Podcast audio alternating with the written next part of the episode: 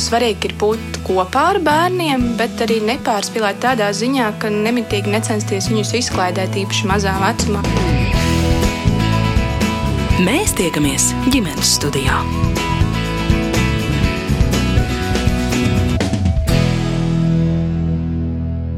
Labdien, un esiet sveicināti ģimenes studijā. Šodien mēs dodamies uz tikšanos, kādas negadās bieži.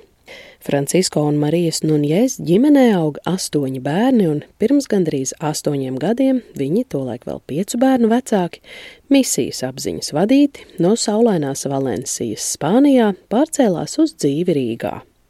Pa šo laiku ģimene ir kļuvusi vēl kuplāka, visi iemācījušies latviešu valodu, bērni iet skolā un bērnu dārzā, tētis strādā Rīgas valsts vācu ģimnāzijā. Tiekamies viņa nelielajā dzīvoklī Zolitūdē, kur nemirkli nerimst jaunāko ģimenes locekļu aktīva kustība un darbība, kāpēc šī lielā spāņu ģimene mitinās šeit, kā rit viņu dzīve un ikdiena un kādas atšķirības Latvijas un Spānijas izglītības sistēmā novēro Francisko. Par to visu šai sarunā, kā allaž, vispirms iepazīstamies.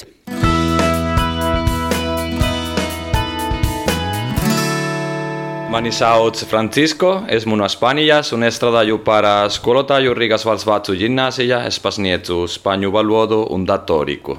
Cik sen jūs strādājat Vācijas ģimnāzijā? Tas ir sestais mācību gads, man liekas, jau.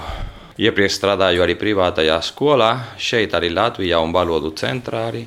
Un Spānijā es strādāju universitātē par profesoru. Tad es pie jums lūkšu iepazīstināt ar sevi. Mani sauc Marija, mums ir astoņi bērni. Es nestrādāju ārā, bet jā, man ir ļoti daudz darba šeit mājās, arī ar bērniem. Un, jā. Jūs esat 24, 7 mamma. Jā, jā, jā, jā protams. Jā, jā, jā. Kurš ir nākamais? Es esmu Mirija, man ir 15 gadi. Es mācos 8. klasē Rīgas valsts vācu gimnāzijā, tur, kur mans tēvs strādā. Tas sanāk, ka no 7 gadu vecuma tu jau dzīvo Latvijā. Ja? Jā. Ko tu vēl dari ārpus skolas, ja neskaita mācības? Es gāju futbolā, un tagad es eju Altonas pulciņā, kur mēs ar datoriem un tā, bet man tā patīk daudz lasīt un tādas lietas. Tad intereses ir literatūra un uh, informācijas tehnoloģijas. Tā varētu teikt. Uh, jā, bet literatūras priekšmets man nepatīk. Man patīk grāmatas lasīt. Cik interesanti. Nu, labi. Kurš ir nākamais, pie kā es sniedzos? Kā sauc tevi? Es esmu Noemī. Man novembrī paliek 14. Es mācos 8. klasē Rīgas valsts vācu ģimnāzijā. Es eju uz skoli un es zīmēju. Kuras turpat skolā? Jā. Tu arī kaut ko spēlē? Jā, Jā es arī spēlēju ģitāru bet tikai mājās. Tētis un mamma rāda priekšā. Klavieris arī? Klavieris. Klavieris arī. Vai man nepatīk? Kā lūdzu? Man nepatīk. Aha, klavieris tu spēlē, bet tev nepatīk. Tad jau ir kāds, kurš eh, liek to darīt. Iepriekšējā skolā bija obligāti jāmācās. Un kurš tagad tevi pamudina, ka vajag turpināt spēlēt klavierus? Es neturpinu. Viens ir mazliet slims jā, un nepiedalās jā, sarunā. Viņam ir 11 gadi. Viņu sauc arī Francisko, kā es, jo tā ir Spānijas teiksim, tradīcija. Ja? To teva vārdu pirmajam bērnam. Viņš uh, mācās. 5. klasē, Rīgas Baldos skolā. Viņam ļoti patīk sportot, un arī datoriku viņam patīk. Arī. Un spēlēt ar, ar brāļiem. Un kā sauc tevi? Mani sauc Samuēls. Man ir desmit gadi. Es eju uz Rīgas Baldos skolas skolu. Un es esmu 4. klasi. Es atnācu uz Rīgu ar diviem gadiem. Kādi ir tavi hobiji vai vaļasprieki? Nu, ar brāļiem paspēlējos kaut ko. Tev patīk arī ar velosipēdu braukt, vai ne? Jā. Un ar Lego? Jā, man ļoti patīk Lego. Mm -hmm. Es daudz lietas ar tiem visiem Lego.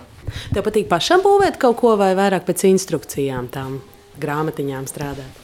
Man vairāk patīk pats uztaisīt savējo.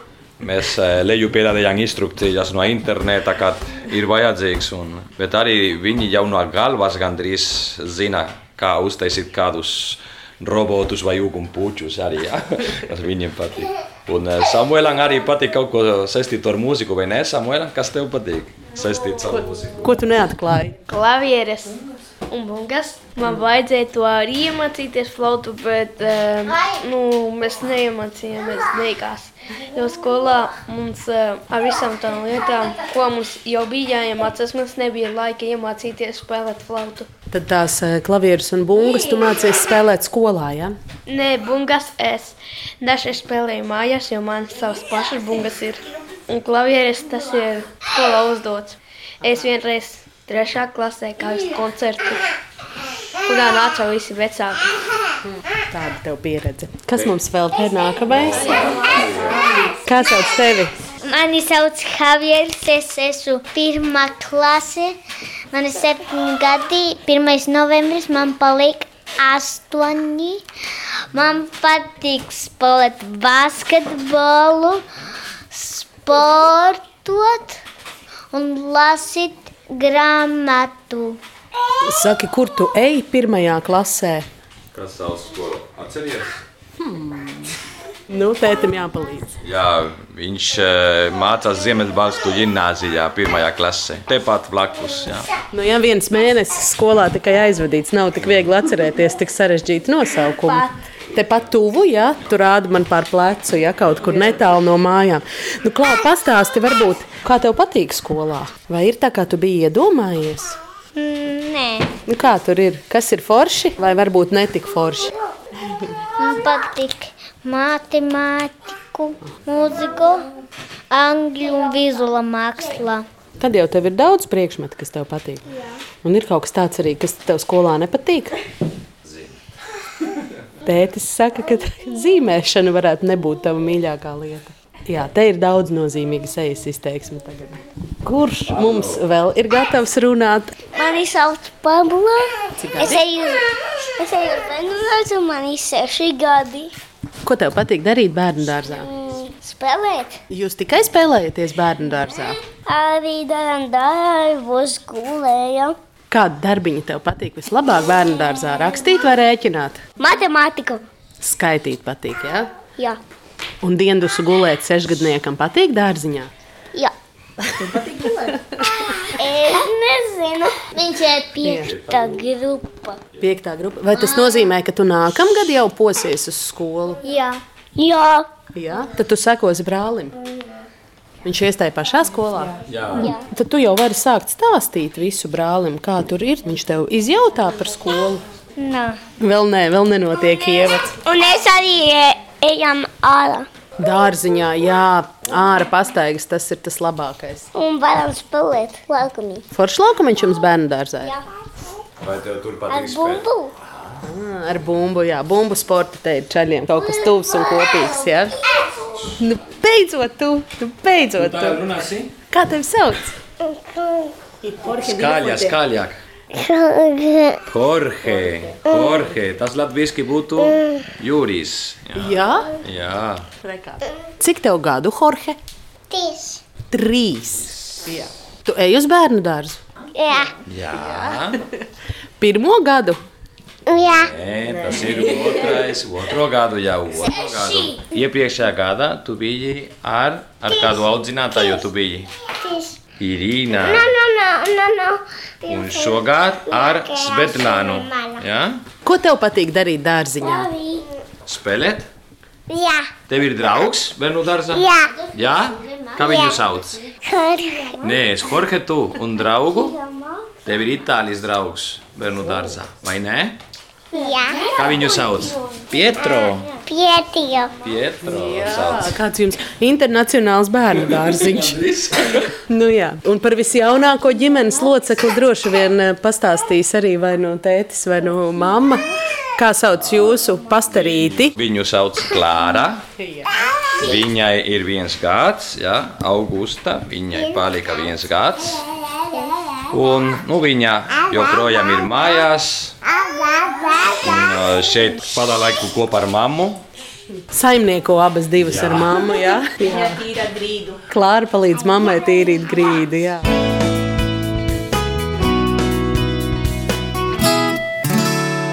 Kāds ir tas stāsts, kā jūs nonācāt Latvijā pirms Jā. tiem astoņiem Nu, gadiem? mēs, esam, mēs esam katoļu ģimene, un uh, mēs esam brīvprātīgi, teiksim, startautiskajā projektā Katoļu baznīcā. Mēs uh, devām savu pieejamību pirms astoņiem gadiem, lai brauktu uz kādu vietu pasaulē, Eh, Mums piedāvāja braukt uz Latviju kopā ar citām ģimenēm no Itālijas, no Polijas, un arī bija kāda cita ģimene no Spānijas.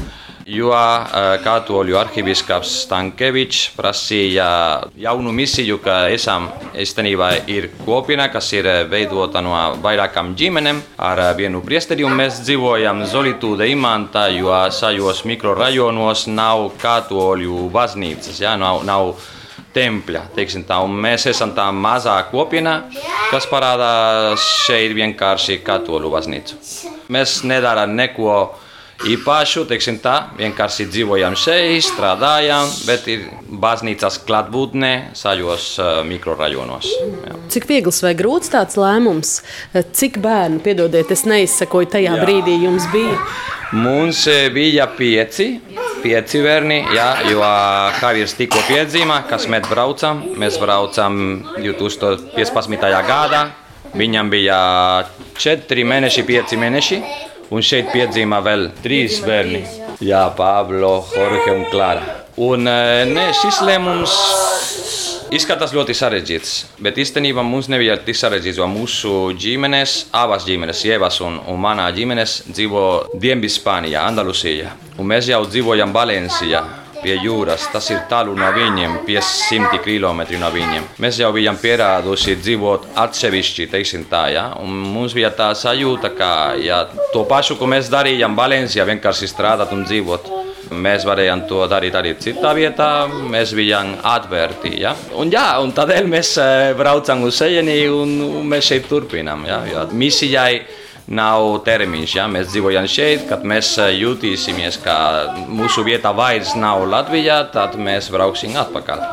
Bet eh, joprojām domājam, ka tā ir mūsu vieta. Tagad ir šis brīdis, kurā mums nav tik grūti. Ja? Mēs varam jau sazināt latviešu valodu, mēs saprotam jau, kā izglītības sistēma strādā, kā arī veselības sistēma strādā. Tas ir visgrūtākā lieta - saprast, kā viss strādā. Jo ar valodu, nu, ar angļu valodu var sazināties, arī var dzīvot. Ja? Bet, nu, protams, kā mūsu misija ir dzīvot šeit, tad mums arī bija tas mērķis mācīties arī latviešu valodu. Un to mēs izdarījām plus mīnus. Vai es drīkstu arī jums pavaicāt, vai jūs viegli piekritāt šai idejai? Es nezinu, kāpēc iedomājos, ka vīrs bija tas, kurš ierosināja braukšanu. Tas bija kopīgi. Mana pieredze bija kā viegli, jo es nedarīju to mana spēka. Bija e, dieva dāvana, ja, jo mēs dzīvojam e, Valencijā. Varbūt mums bija jāmainīt uz Madrid. Un ka es domāju par to, mainīt pilsētas, es, es, jā, stresoju, es jūtos slikta, ja? bet kā mums brauk eh, šeit, Rīgā, es biju ļoti, ļoti mierīga. Un es zinu, ka tā bija dieva dāvana, jā, ka tā mm, bija dieva griba.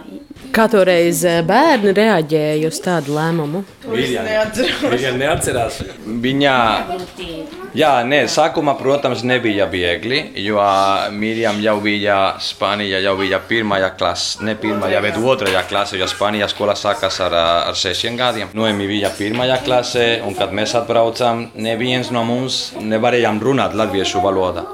Un, tādēļ tagad abas mācās tajā pašā klasē, jo sākumā lika viņas abas pirmajā klasē, lai viena varētu arī palīdzēt otrajai, un lai abas varētu mācīties kopā valodu. Un sākumā nebija viegli, nebija draugu, nebija iespējams arī sazināties ar citiem bērniem viņu vecumā. Bet eh, mums arī palīdzēja šis fakts, ka mēs nebijām vienīgā ģimene, kas brauca šeit, ka bija arī citas ģimenes.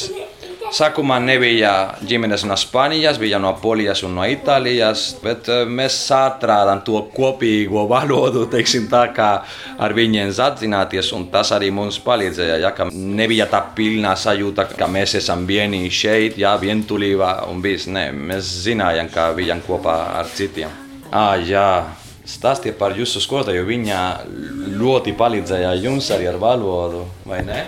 Tā ir kāda pirmā skolotāja, ko jūs satikāt šeit, Latvijā, atbraucot. Ja? Mums bija klases audzinātāja, kura mums pēc stundām mācīja latviešu valodu mums abām. Un, uh, tas ļoti palīdzēja. Arī es nezinu, kā viņa mums skaidroja uzdevumus, jo mēs pilnīgi neko nesapratām. Es atceros no pirmās nedēļas vienu momentu, kad mēs mācījāmies matemātiku.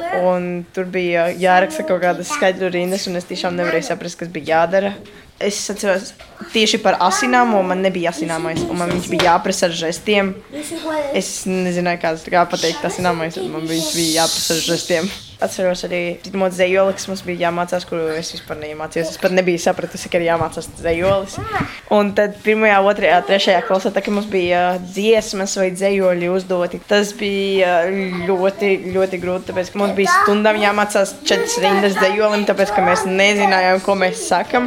Mēs vienkārši kaut kādas skaņas tur mēģinājām atcerēties, un tas bija tiešām grūti. Un cik ilgs laiks apmēram pagāja, kamēr jūs sākāt saprast, ko jūs runājat un ko no jums prasa skolā? Es nezinu, kurā momentā tas īsti notika. Es zinu, ka es jau pirmajā klasē kaut kādā veidā sāku sazināties ar kādiem klases biedriem, ka man jau bija draugi. Bet es tiešām nezinu, kādā veidā es ar viņiem sazinājos. Par to es no audzinātājas, un viņu sauc Rītmā Gladnieci, un es, mēs esam ļoti pateicīgi viņai, ja, jo viņa ir arī tagad uh, Samuela audzinātāja. Mm -hmm. ja, tad mēs sakām, ka viņa ir viens no mūsu eņģeļiem šeit Latvijā, jo mums ļoti, ļoti palīdzēja. Viņa man teica jau, ka uh, beidzot pirmo klasi, viņas jau varēja sacināties ar klases biedriem, arī ar viņu. Un īstenībā trešajā klasē, kad uh, viņas veica diagnosticējošos darbus, viņas dabūja labāku rezultātu nekā latvieši, latvieši paši. Jā. Matemātika un latviešu valodā abos pārbaudas darbos simtprocentīgi abām. Tā, tā kā, tas ir tas brīnums, caur ko mēs arī redzam, ka tā ir mūsu vieta. Jo salīdzinot ar spāņu valodu, latviešu valoda ir daudz grūtāka. Mums tika dota arī šī dāvana, ja? iemācīties šo valodu bērniem dabiskākā veidā nekā mums vecākiem. Jā, man vajadzēja arī apmeklēt nu, privātas stundas. Jā. Man vajadzēja atrast darbu, man vajadzēja strādāt, un man vajadzēja iemācīties valodu. Ja? Bet uh, viņiem tas gāja ļoti, ļoti dabiski. Un tagad ar mazākiem viņi jau sāka bērnu dārzā mācīties. Visi mūsu bērni apmeklēja to pašu bērnu dārzu, tā kā tur jau viņiem ir arī pieredze ar mums. arī ir bērni no Itālijas ģimenes, arī tur, tā kā viņiem jau liela pieredze ar mums. Un arī tur viņi ļoti palīdz mums, lai, lai mēs varēsim arī nu, jau dzīvot parasti un arī ar, ar pārējiem bērniem viņi varētu arī paspēlēties un sadzināties un sadraudzēties. Ja? Vienmēr vajag kādu cilvēku vai kādus cilvēkus, kas ir tev blakus, ka tu jūties, ka viņi ir līdzpalīdzīgi, ja, ka viņi kaut kādā veidā tev izpauž šo mīlestību, ja, palīdzot tev. Man, piemēram, es arī tā privātā skolotāja man ļoti palīdzēja. Ja, viņa ir arī Latvijas universitātes profesore, kas jau ir pensija. Bet eh, mani pieņēma, man palīdzēja arī kārtot latviešu valodā eksāmenu. Un tā arī bija eņģelis. Ja. Mums, mums ir dažādi eņģeļi, ar ko mēs esam satikušies šajā laikā, kas mums palīdzēja nu, daži vienā veidā, citi citā veidā.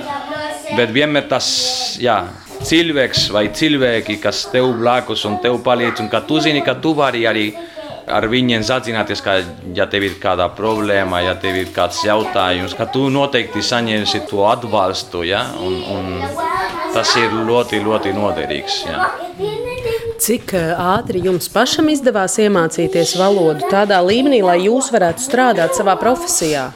Es varu pateikt, ka es esmu valodnieks, ja? spāņu valodas speciālists, jo manas studijas ir žurnālistika, pēc tam es arī veicu maģistra grādu pedagoģiju un doktorantūra grādu arī žurnālistika. Es arī varēju jau sacināties angļu valodā, itāļu valodā, apmēram franču valodā. Es gandrīz neatceros, jo es to studēju gan universitātē un mācījos arī uh, vidusskolā, bet man bija kādas stratēģijas, kā vieglāk iemācīties vai varēt daudz pateikt ar ļoti maz vārdu. krājumu, teiksim tā. Ja? Piemēram, es, es iemācījos, kā locīt darbībās vārdu varēt, kā locīt darbībās vārdu vajadzēt, un pēc tam pielikt klāt visus darbībās vārdu nenoteiksmē. Vienkārši. Tā kā man nevajadzēja iemācīties, kā locīt visus darbībās vārdus, bet tikai šos trīs. Un tad nu, es jau varēju saprast, un es vienmēr, vienmēr, vienmēr pārjautāju. Tad man vajag to darīt, tad es varu to darīt, un, un tā es dabūju to nepieciešamo informāciju, kas man vajadzēja. Nezinu, pēc pusotrā gada es plus mīnu jau tā varēju sacināties. Jo pirmais darbs, kas man bija šeit, bija angļu valodas skolotājs. Un pēc tam es sāku strādāt par spāņu valodas skolotāju, bet tā bija privātā skola un startautiskā skola. Tā kā tur es varēju sacināties angļu valodā arī ar skolīniem un ar kolēģiem. Un tā jau Trešais mācību gads, man liekas, es jau sāku strādāt Rīgas Latvijas gimnājā. Un tajā pirmajā gadā, ko es tur strādāju, es kārtoju arī latviešu valodas eksāmenu. B līmenī un dabūju B2 līmenī. Un tā turpināju, bet man ļoti palīdzēja arī pasniegt spāņu valodu latviešiem, jo man pašam uh, vajadzēja iemācīties vārdu krājumu latviešu valodā, lai to pasniegtu skolēniem. Tā kā man tas ļoti palīdzēja, piemēram. Un kā jūs no šīm privātajām struktūrām nonācāt tādā īstā, lielā pašvaldības skolā, gimnājā? Jā, jo īstenībā tur bija spāņu valodas skolotāja, bija pazīstams cilvēks, kurā mani aicināja, jo viņai bija pārāk daudz stundu.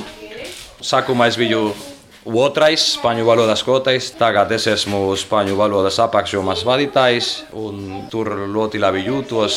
Es jau varēju arī draudzēties ar kolēģiem, jo sākumā es ļoti reti runāju ar viņiem. Tikai kad es biju pilnīgi pārliecināts par to, ko man vajadzēja pateikt, bet tagad nē, tagad ir citā lietā. Jā.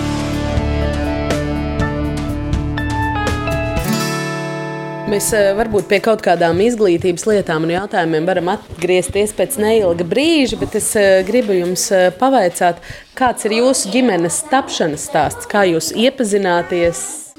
Mūsu ģimenes bija pazīstamas jau ļoti sen, un kopš tā laika, kurā mums bija 14 gadi, kaut kā tad mēs bijām draugi. Un pēc tam notika 2000 gada vasarā. Mēs bijām Romēs ceļojumā, un tur mēs sākām jau nu, domāt, kā varbūt tas ir īpašs cilvēks man. Ja? Un pēc tam es, es braucu uz Madridi universitāti. Tā kā visu laiku mēs bijām attālināti. un kad abi divi veicām mūsu studijas universitātē, tas bija 2006. gadā, mēs, mēs apprecējāmies decembrī. Un tad mēs braucām dzīvot kopā Valencijā, jo es tur dabūju arī stipendiju, lai, lai veiktu savu doktorantūra darbu. Viņa arī dabūja to pašu stipendiju, bet citā jomā, es žurnālistikā, viņa bioloģija. Un, uh, tur sākām dzīvot kopā, un tur uzbūvējām mūsu, mūsu ģimeni. Vai arī jūs nākat no lielām, plašām ģimenēm, un vai jūs jau uzreiz zinājāt, ka jums uh, būs tik kupla ģimene? Jā, mana ģimene, mēs esam deviņi bērni. Jā. Es esmu ceturta. Un jā, Pako arī viņi ir des, desmit bērni. Viņš ir pirmais. Tā. Mūsu ģimenes ir lielas. Jā, jā, jā, mums ir pieredze. Jā, jā, jā. No sākumā, protams, mēs nedomājām, ka mums būtu tik liela ģimene. Ja? Bet uh, mums ir arī tā uzticība, teiksim tā, uz Dievu, ka Viņš mums dos to, ko mums vajag. Ja? Jo mēs to esam piedzīvojuši arī mūsu ģimenes. Ja? Kad mēs bijām bērni, kad mēs bijām pusaudži. Un tā sanāca, ka neteikšu, ka katru gadu nāca viens bērns, bet gandrīz. Jā, vecākajai ir 15, jaunākajai ir viens, un tur pa vidu ir astoņi kopā. Nu, protams, ka tas nav viegli, un, protams, katram bērnam ir savas vajadzības, vajag arī veltīt laiku katram, un kad viņi ir daudz, nav viegli, nav vienkārši, ir daudz ko darīt arī mājās. Man šodien sieva stāstīja jau tā trešā veļās mazgāšana mašīnā, ko viņa gatavoja šodien. Ja. Bet teiksim, mēs to arī piedzīvojam, kad bijām bērni, kad bijām pusaudži. Tas nebija tālu no mums, teiksim tā. Jā, nebija kaut kas nezināms mums. Nu, piedodiet, kā jūs tiekat galā? Es, es, es nezinu, jā, arī bērni palīdz mājās, protams. Jo es vienā es, es, es, es nevaru darīt eh, visu. Jā, bet mums ir maz eh, dzīvoklis. Bieži es domāju par lielu māju, bet eh, es domāju, ka liela māja ir grūti sakārtot, tīrīt vi- visu. Es nezinu, es, es esmu priecīga šeit. Mazā dzīvoklī, ah, jā, kā es teicu, arī bērni palīdz. Pako strādā skolā, bet eh, viņš arī eh, palīdz mājās, protams, jā. Mēs tiekamies ģimenes studijā. Izskanot, protams, viņu pašu izvēlētai dziesmai, mēs turpinām sarunu. Tajā kuplo Nunjēs ģimeni, kur aug astoņi bērni, pārstāv tētis Francisko, māma Marija un abas vecākās māsas - Mirjama un Noēmī. Atsākam par to, kā darbojas ikdienas pienākumu sadale tik lielā saimē.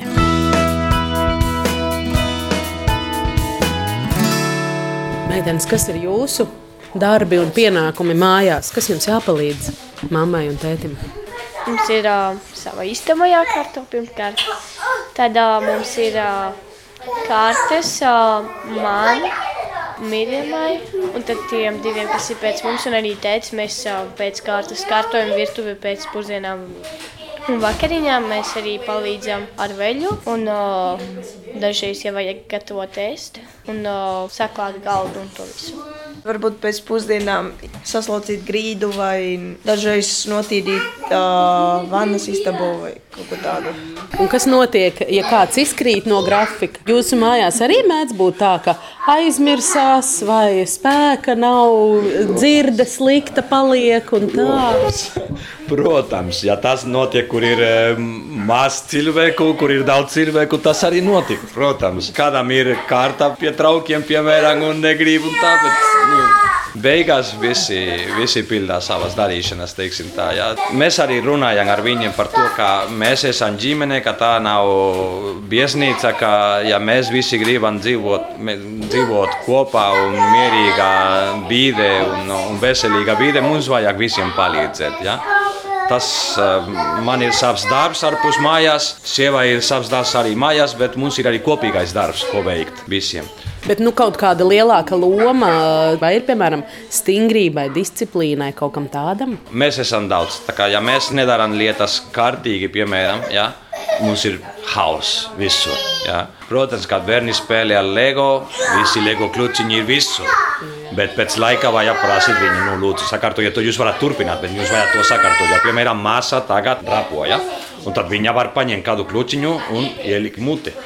Tā kā ne, viņi to saprot. Mums, piemēram, ir ar digitālām ierīcēm. Ja? Mums ir kāds likums par to. Piemēram, tikai, tikai māsām, tikai meitām ir savs telefons. Viņas, protams, var to lietot nu, brīvi, bet eh, man ir arī lietotne, ko es varu arī kontrolēt, ko viņi dara. Nevar lietot telefonus pa nakti, piemēram, pa nakti vajag gulēt vienkārši.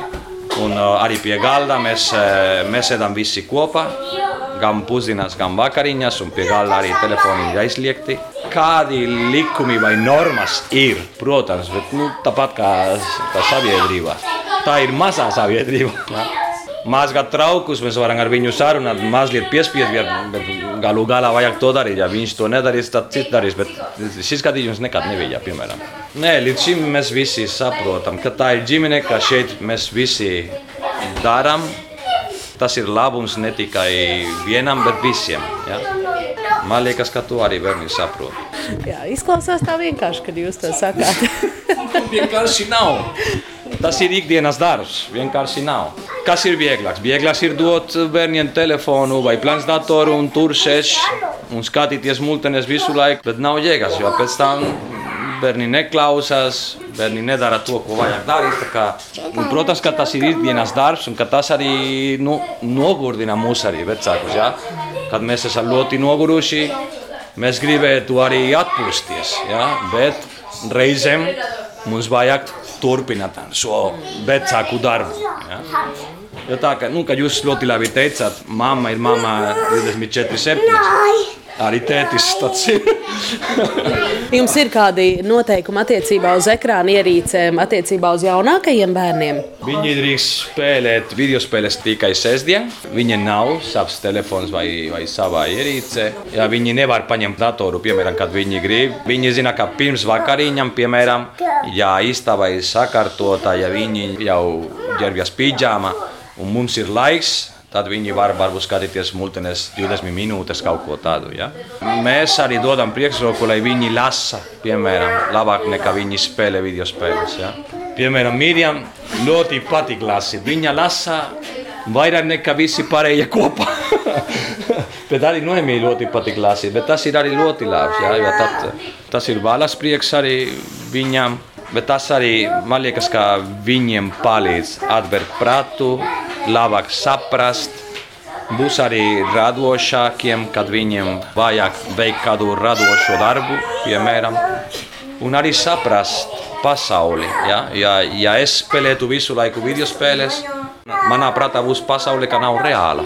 Lasot grāmatu, tā ir cita lieta, jo visas grāmatas ir pamatotas uz reālu dzīvi. Arī ja tas ir par nereālām lietām. Cik bieži mēs redzam bērnus starp brīžos, kāds pie savā telefona, kā, un viņi nesādzinās ar pārējiem, viņi nespēlē kopā ar pārējiem. Ja? Tas man liekas, ir zaudējums. Varbūt, ja, ja viņi nepiekrīt tam, ko mēs darām, viņi var to pateikt. Nu, pēc tam paskatīsimies. Ja? Nav tas pats, kā, kā Jorge, kam ir trīs gadi, saka, ka viņam tas nepatīk, vai ka viņš to negrib darīt, ka, ja, ja to pašu saka Mīļam. Ja? Nav tas pats. Protams, kā audzināt dažādu vecumu bērnus, nu, ir arī grūti. Katram ir savas vajadzības. Nevaru runāt tāpat ar, ar Noemi, kā ar Samuelu. Bet arī nevaru runāt tāpat ar Mīļamu, kā ar Noemi.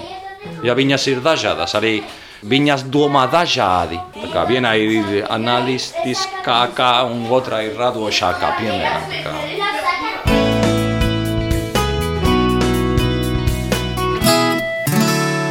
Kā jūs nokļuvāt no žurnālistikas pie pedagoģijas, tad atkal grāts žurnālistikā, un tad beig beigās šeit jūs mācat pat datoriku? Jā.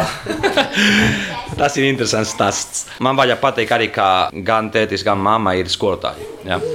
Manā ģimenē mums ir trīs profesijas, nu, skaitot arī nu, vecākus, un tantes un, un onkuļus. Vai arhitekti, vai skolotāji, vai mediķi. Man ļoti patīk arhitektūra. Ļoti, ļoti patīk. Un, uh, tas bija mans oriģinālais plāns - studēt arhitektūru. Bet, kad man vajadzēja sākt studēt, studijas plāns mainījās vispār. Un bija vairāk mākslā nekā tas tehniskas lietas. Ja? Un mākslā un es esam divas lietas, kas nekad ne, nesanāk kopā. un um, man bija iespējams arī pieteikties stipendijā, studēt žurnālistiku privātajā universitātē Madrīdē. Un tad es izmantoju šo iespēju. Es studēju Madrīdē un pēdējā mācību gada, jo tas programma bija piecu gadu programma. Arī uh, universitātes pārstāvi man piedāvāja turpināt studijas ar doktorantūru universitātes filiālā, kas bija nevis Madrīde, bet Valencija. E, bet man vajadzēja arī e, gatavot doktorantūras projektu, ar ko pieteikties arī stipendiju. Iekšā doktorantūras programmas jau bija tas prakse, kā profesors, palīgs profesors. Ja? Un bakalaura darba tēma bija par žurnālu dizainu. Un tajā laikā man jau ļoti labi gāja ar tehnoloģijām, ar datoriem un ar maketēšanas programmām. Tā kā, kad es strādāju universitātē, es saku arī pasniegt šos priekšmetus, kas bija ļoti saistīti ar digitālām tehnoloģijām. Pēc tam man bija iespējams arī papildināt savas studijas ar maģistra grādu pedagoģijā.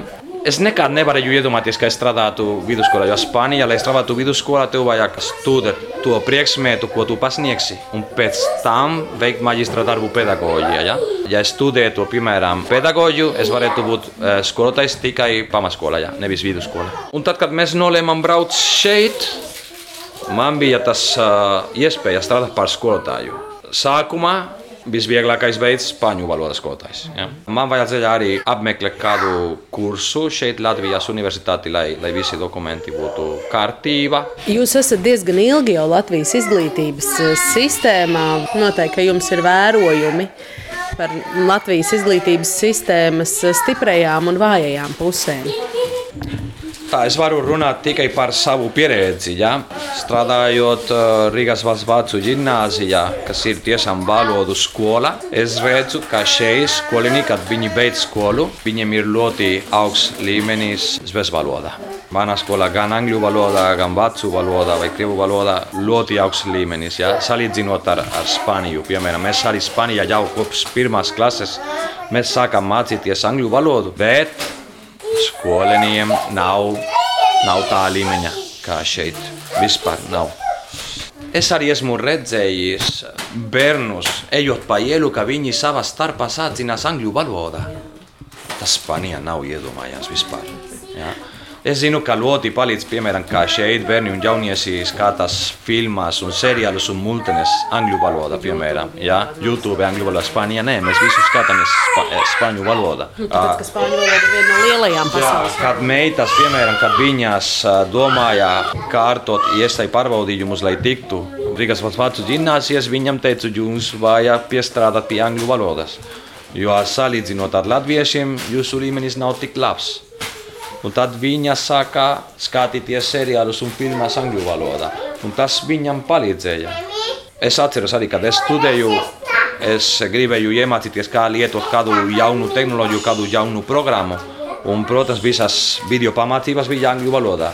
Es sākumā neko nesapratu, man vajadzēja to ļoti lēni, ar lielu uzmanību skatīties. Tas ir par, par labu runājot. Jā, man ir kādas lietas, kas īsti nepatīk, bet varbūt šeit sistēmā ir brīvāka nekā Spānijā. Un no vienas puses tas ir labāks, no otras puses neteikšu sliktāk, bet savādāks. Ja? Nu, tas ir piemēram saistīts ar, ar to, kā pārbaudas darbi. Ja? Šeit izskatās, ka pārbaudas darbi ir vienkārši viens darbs, ko skolēni veikt. Un, nu, protams, ka tur ir atzīme. Bet Spānijā tā ir nopietna lieta. Ja tev ir pārbaudas darbs tikai ar astā zīmī, piemēram, tu vari attaisnot kavējumu pārbaudas darba dienā. Ir skolēni, kuri brauc piemēram ar ģimeni vienu nedēļu tur mācību gada. Ja, tas Spānijā nav iespējams. Nav iedomājams vispār brīvdienas eh, mācību gada laikā. Ja? Ne skolēnu brīvlaikā, bet vienkārši aizbraukt atpūsties. Jā, pie, es saprotu, varbūt vecākiem ir tikai brīvdienas tajā nedēļā, viņi plāno ceļojumu ar bērniem, piemēram, ja? un, protams, ka to vajag saka, saskaņot ar skolas administrāciju, ar visiem skolotājiem, un tā, un tā var arī braukt. Bet Spānijā tā nav iedomājams vispār. Nē, nav tikai ka bērniem ir tiesības apmeklēt skolu, bet vecākiem ir pienākums vēst bērnus uz skolu. Tā kā, ja Spānijā, piemēram, policija redz kādu bērnu pa ielu skolas laikā, dienas vidū, jā. dienas vidū viņiem vajag nu, skaidru situāciju, kāpēc šis bērns nav skolā. Nē, šeit sistēmā tādā ziņā ir brīvāka. Neteikšu, ka tas ir sliktāk. Es, ir savādāk. Piemēram, tas man bija pārsteigums un joprojām ir pārsteigums. Ja? Arī es redzu, ka viss ļoti mainījās arī kopš pandēmijas sākuma. Latvijas sistēma ļoti ātri reaģēja. Dažās skolās tas bija vieglāk nekā citas, protams. Arī vajag ņemt vērā arī skolēnu ģimeņu nu, iespējas. Bet piedāvājums man liekas, ka bija ļoti plašs. Spānijā bija lielas problēmas ar to. Neskatoties uz to, ka Spānijā viņiem bija attālinātas mācības tikai 2020. gadā. Bet tur Spānijā situācija bija diezgan traka skolās. Šeit sistēma, izglītības sistēma ir arī elastīgākā nekā Spānijā. Šeit skolā var nolemt, nu, protams, tev ir mācību saturs, ko tev vajag pasniegt, bet pēc tam tu vari piedāvāt, piemēram, vairākās valodas vai programmu vairāk par kultūru. Ja? Nē, Spānijā tas ir pēc likuma visās skolās tā pati programma. Arī šeit, piemēram, ir skolu reitings. Visi zina, kur ir vislabākās skolas. Tas Spānijā ir aizliegts vispār. Nevar zināt. Tur ir domāts, ka skolai ir tā vieta, kur jebkurš ja cilvēks neskatoties uz to, vai viņam ir nauda vai nav naudas, vai viņš zina vai nezina, vai viņš ir ļoti aktīvi mācoties vai nē, var tikt klāt. Nevar būt kāds oficiāls reitings par to. Spānijā tas ir pilnīgi aizliegts. Tad man bija arī pārsteigums, kad es varēju to saprast, jau pārgāja pieci vai seši gadi šeit Latvijā, piemēram. Jā. Vienu lietu, kas arī saistīts ar izglītības sistēmu, man ļoti patīk, kā skolā iesaistās visus bērnus ar Latvijas kultūru. Kā bērni mācās no sākuma tās tradīcijas, eh, kultūras tikumus, kultūras tas svarīgas lietas, caur dziesmām, dēļiem, tas lietas. Ja to es gribētu Spānijā, piemēram, ja mums arī ir ļoti plaša kultūra, ļoti bagāta kultūra, bet man liekas, ka mums nav tā bagātība, kas jums ir ka tas ir iekļauts izglītībā sistēmā pilnīgi. Ja? Un tas man ļoti patīk. Tas arī man palīdzēja labāk saprast latviešus un, un, un Latviju. Ja? Un, kad es runāju ar saviem draugiem, kuri strādā Spānijā, arī par skolotājiem, saku, nu, tas pietrūkst Spānijā. Mums tā nav. Šoruden skolotāji gribēja streikot, un mēs ļoti daudz runājam nu, gan par problēmām izglītības sistēmā, gan arī par eh, pedagoģa profesijas prestižu. Kā jūs izjūtat šo diskusiju? Es saprotu, ļoti labi saprotu skolotāju skatu punktu, jo salīdzinot ar uh, citu valstu algām, piemēram, skolotāju alga Latvijā nav tik liela nekā citās valstīs apkārt. Bet es arī zinu, ka pēdējos gados arī alga palielinājās. Ja? Es redzu, ka ir arī vēlmes no, no visiem punktiem labot šo situāciju. Tu, piemēram, Spānijā skolotājiem ir darba apjoms ir 40 stundas nedēļā, no tam viņiem ir 17 kontaktstundas. Varētu būt plus mīnus divas. Ja?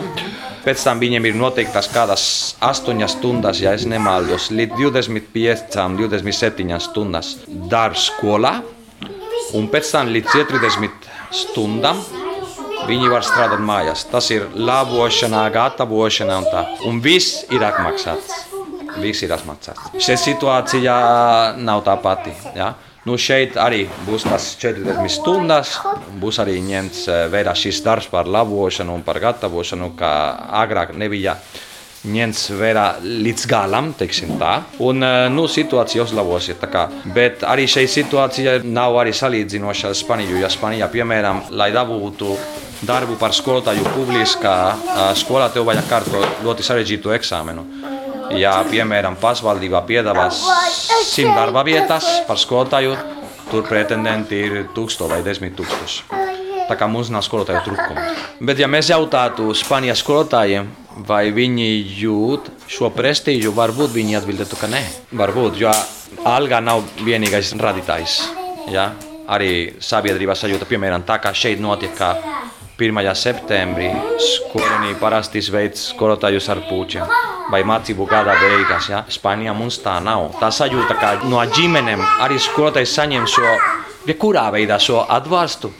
Spānijā tas trūks, piemēram. Kā, nu, tas ir no dažādām pusēm. Man ir ļoti skaidra ideja, ka alga nav vienīgais radītājs.